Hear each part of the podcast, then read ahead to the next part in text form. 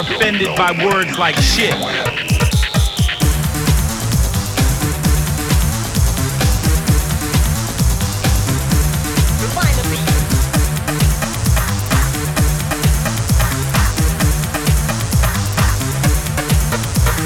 If you are offended by words like shit, bitch.